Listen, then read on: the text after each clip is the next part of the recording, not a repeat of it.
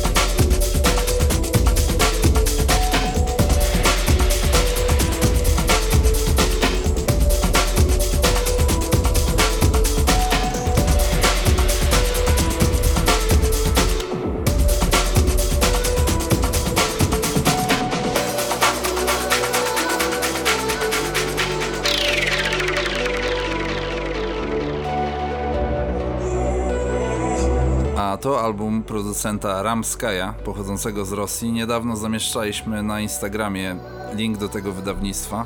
Jest to 16 remiksów jego własnych produkcji, które przechodzą przez wszystkie odcienie muzyki basowej. Całość możecie pobrać na jego bandcampie za free. Szacun dla Mushroom za wykopanie tego albumu.